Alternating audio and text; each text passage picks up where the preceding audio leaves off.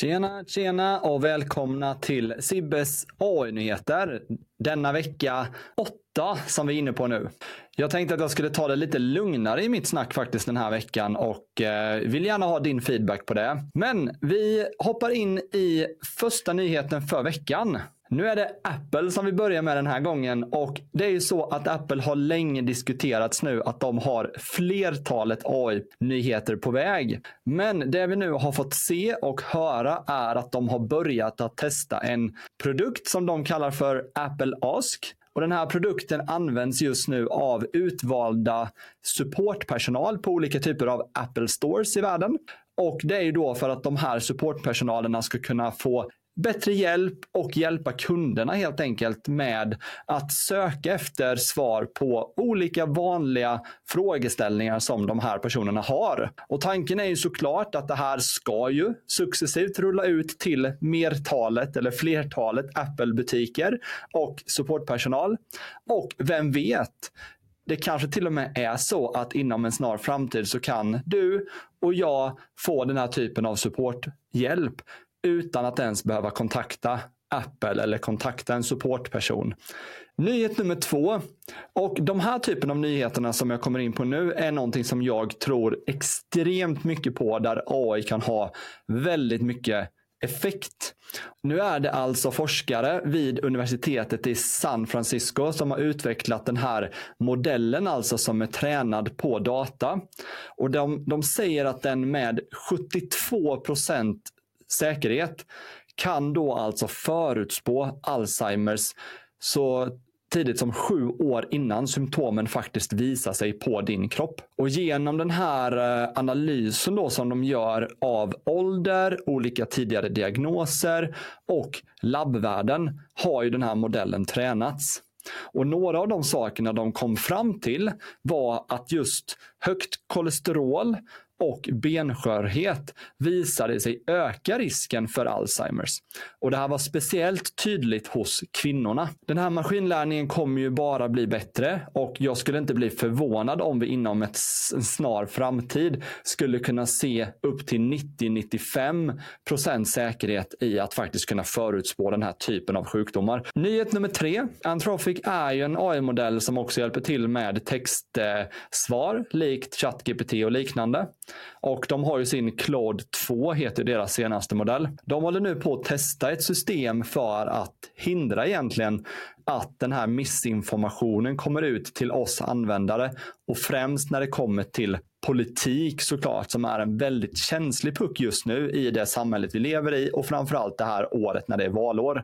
Men det de gör här är att de försöker alltså att med hjälp av AI analysera om frågan eller texten innehåller någonting som har med politik att göra. Och istället för att då ge användaren ett AI-baserat svar så söker de istället av efter riktig information som har en stabil och trygg och säker källa och då ger istället det svaret till användaren. Nyhet nummer fyra. OpenAI vet ni att de har länge skapat de här GPT-modellerna som du kan prata med. Du kan träna dem så att de utför vanliga uppgifter. Nu har det varit så att de eh, tittar just nu på att utveckla ännu mer avancerade agenter och De här agenterna enligt OpenAI ska nu kunna utföra lite mer komplexa uppgifter. Det kan vara att de ska kunna fylla i olika blanketter åt dig. De ska kunna hjälpa dig att boka resor, boka restauranger, boka en klipptid, vad vet jag. För att de ska då kunna förstå hur du använder dina enheter, datorer, telefoner och liknande och eh, automatisera de här processerna åt dig genom att då prata och styra olika typer av program och tjänster.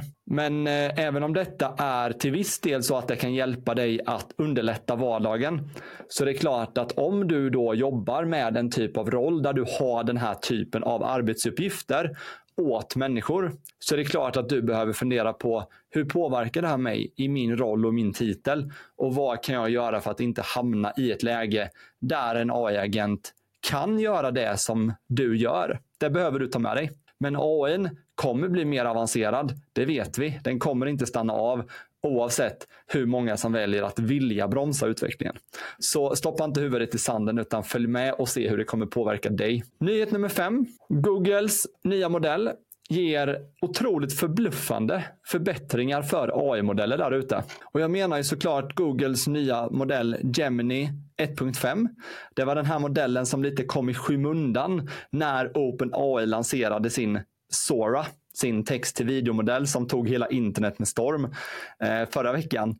Men den här modellen då, Gemini 1.5, den har ju visat sig eh, fungera mycket bättre än GPT-4 på många håll. Det Gemini 1.5 kan göra är att den kan analysera och generera över en miljon tokens. Den kan även skriva 30 000 rader med kod och eh, analysera över en timme lång video. Vi får se. Gemini 1.5 är en väldigt kraftfull modell och vi får se vad OpenAI lanserar för någonting i framtiden. Får vi se en GPT-5 framöver? Ingen som vet. Men just nu har Google eh, en väldigt, väldigt kraftig modell som vi kommer snart få se mer av. Nyhet nummer 6. Vi har ju sett flera olika typer av nyheter på GitHub. Nu har vi en här som heter GPT Script. Och det jag tycker är lite unikt med den här, det är att de säger att de vill hjälpa dig att undvika att behöva prompta de här AI-modellerna på ett avancerat tekniskt sätt.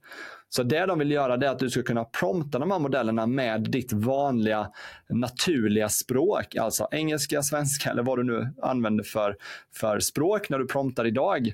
Och sen kunna ge dig rätt svar tillbaka oavsett vad det är du vill ha.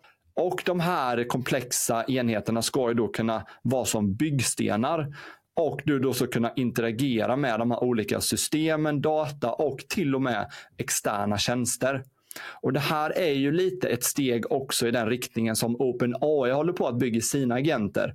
Så att det är ju en trend just nu där vi ser att alla de här AI-modellerna vill hjälpa dig att bli mer en processhantering av flera olika aktiveringar som du gör på löpande basis i ditt vardagliga liv eller i din arbetsroll. Nyhet nummer sju. Det här är en liten extra grej. Det har inte kanske jättemycket med AI att göra, men jag vill ändå skicka med den. För jag vet att det är väldigt många människor där ute som skickar e-postutskick. Nu finns det ett system i alla fall som du kan använda för att undvika att de här mejlen hamnar i skräp, eh, skräpkorgen hos eh, din mottagare. Så att det det här systemet gör, det är att den analyserar de här viktiga mätvärdena som heter SPF, DKIM, och DMark. Eh, den tittar också även innehållet, den kollar över bilder, den kollar över länkar i ditt mail för att se hur kan du effektivisera din e-postleverans. Verktyget gör då förhandsgranskning. Den gör heatmap-checkar på din så att den kollar igenom hela ditt mail som du ska skicka. Och se vad som engagerar läsarna mest helt enkelt. Och sen ger den rekommendationer på hur du kan optimera ditt eh, mail. Så att, glöm inte att kolla in den här tjänsten. Den heter Unspam. Nyhet nummer åtta. Nu är vi inne på OpenAI igen. Och ni vet ju att OpenAIs modell inte är tränad på den absolut senaste datan. Men nu har vi fått uppdateringar från OpenAI som säger att deras modell nu, eller flera av deras modeller, både GPT 3.5, 4, Turbo och liknande, är uppdaterad så den har data fram till december 2023.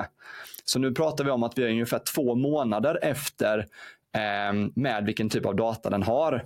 Och förhoppningsvis har ju fortsatt OpenAI hittat ett sätt där de inte tränar sin modell på all AI-genererade data och artiklar och liknande som ändå skickas upp på nätet idag. Och eh, Jag tror att de har system internt för detta. Nyhet nummer 9. Och det här är lite som ett tillägg till vår andra nyhet med Gemini 1.5 som vi hade lite tidigare. För att det Google samtidigt har gjort, det är att de har släppt upp en open source-modell. På samma sätt som Apple har släppt upp en modell open source. Eh, Google kallar sin modell för Gemma, som är någon form av eh, version av Gemini. Och eh, Den här modellen är mycket, mycket mer filtrerad. Det är för att de vill ge den här till användarna. De vill få in användardata för att kunna utveckla och träna den här modellen ännu mer. Men som sagt, modellen är väldigt mycket mer begränsad än vad Gemini 1.5 är med, med eh, vad den kan leverera för typ av svar till dig. Men du kan gå in och eh, testa Gemma redan idag. Nyhet nummer 10. Nu är det Well Said Labs. Och det här är också någonting som utvecklas otroligt mycket just nu när det kommer till text till röst. Och eh, Well Said Labs är ju ett av de här företagen som har gjort detta väldigt länge och är en av de ledande inom detta.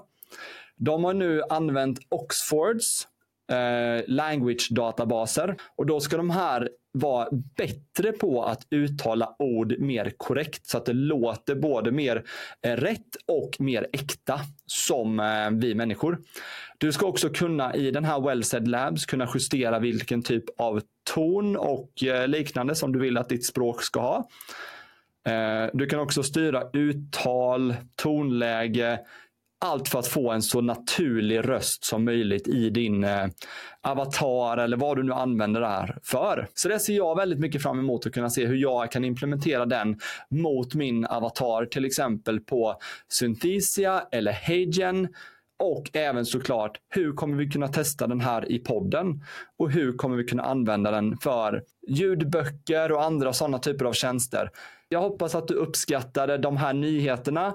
Som vanligt så in, ge en kommentar på LinkedIn, lämna lite feedback, skicka en femstjärna, fyrastjärna om du vill här i podden så skulle jag bli jättetacksam för detta. Övrigt önskar jag dig en fantastisk vecka så hoppas jag att vi hörs snart. Hej då!